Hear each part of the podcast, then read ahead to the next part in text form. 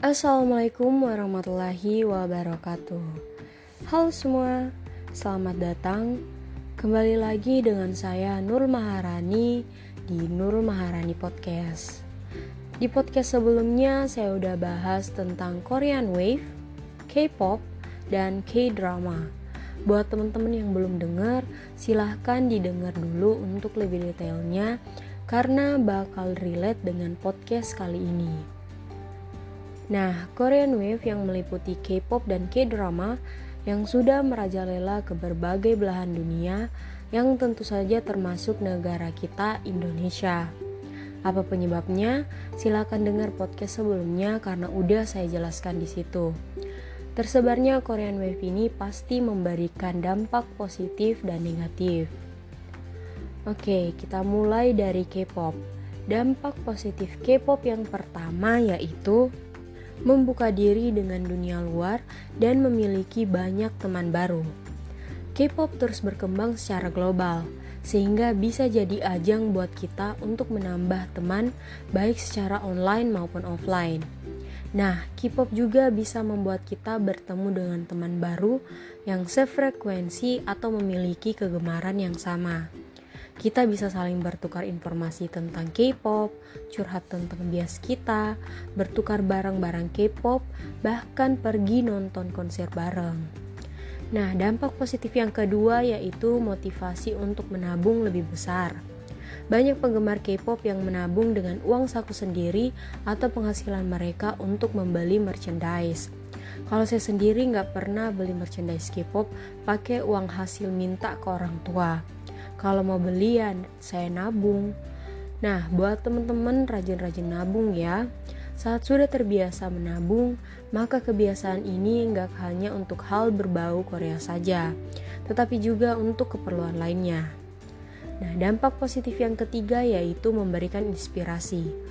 Lagu-lagu K-pop yang sering kita dengar sebenarnya bisa memotivasi dan membangun rasa percaya diri.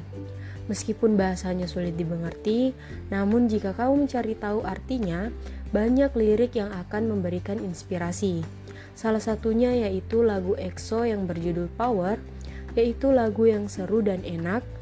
Lagu ini fokus membahas sisi positif dalam diri agar tidak sedih berlarut apalagi sampai terjebak masa lalu. Nah, dampak positif yang keempat yaitu mengenal budaya Korea. Karena sering nonton live variety show dan reality show para idola, secara tidak langsung kita mulai mengenal budaya dan adat yang ada di Korea. Misalnya tata krama untuk membungkukkan badan saat menyapa orang yang lebih tua, dari pengetahuan dasar ini tentu akan membantu kita saat liburan di Korea Selatan.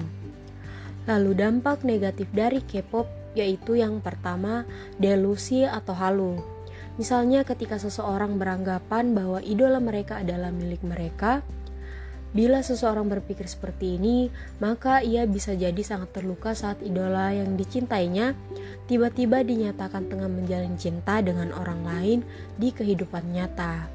Jadi buat teman-teman tetap pandang bias atau idola kalian sebagai artis yang tentu saja punya tujuan hidupnya sendiri dan kita sebagai fans tetap mendukung idola kita selama dia terus memberikan hal positif bagi kita serta berikan semangat.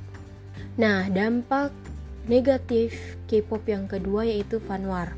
Persetuan antar fans biasa disebut dengan fanwar. Contohnya mulai dari fans yang merasa grupnya lebih baik dari grup yang lain.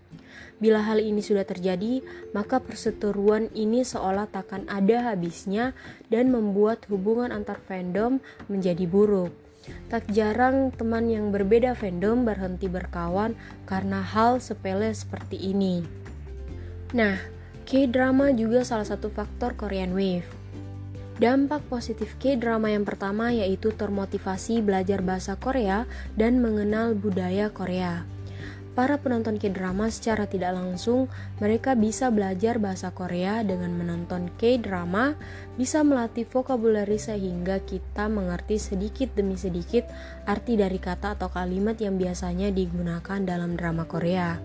Dan biasanya para penggemar K-drama sering menggunakan kosakata tersebut di kehidupan sehari-hari.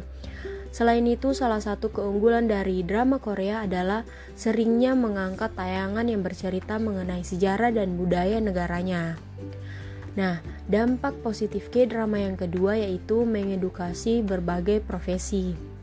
Dalam K-drama juga dapat mengedukasi, contohnya jenis obat-obatan dalam dunia kedokteran, sumpah dokter yang harus menyelamatkan nyawa seseorang meskipun dia penjahat, pasal-pasal mengenai hukum pidana dan perdata, karakteristik barang bukti yang diperbolehkan untuk persidangan, dan sebagainya. Nah, dampak positif yang ketiga yaitu melihat masalah dari sudut pandang berbeda. Drama Korea di dalamnya menjelaskan berbagai tokoh dengan peran dan karakter yang berbeda, serta perbedaan cara pandangan pada suatu masalah. Sebagai contoh tentang kepribadian seorang psikopat yang dengan sadis membunuh orang tak bersalah ternyata menderita dan tersiksa selama masa kecil. Untuk mendeteksi tindakan psikopat itu diperlukan cara pandang psikopat juga. Adapun dampak negatif ke drama yaitu yang pertama, lupa waktu. Ke drama juga dapat membuat kita lupa waktu.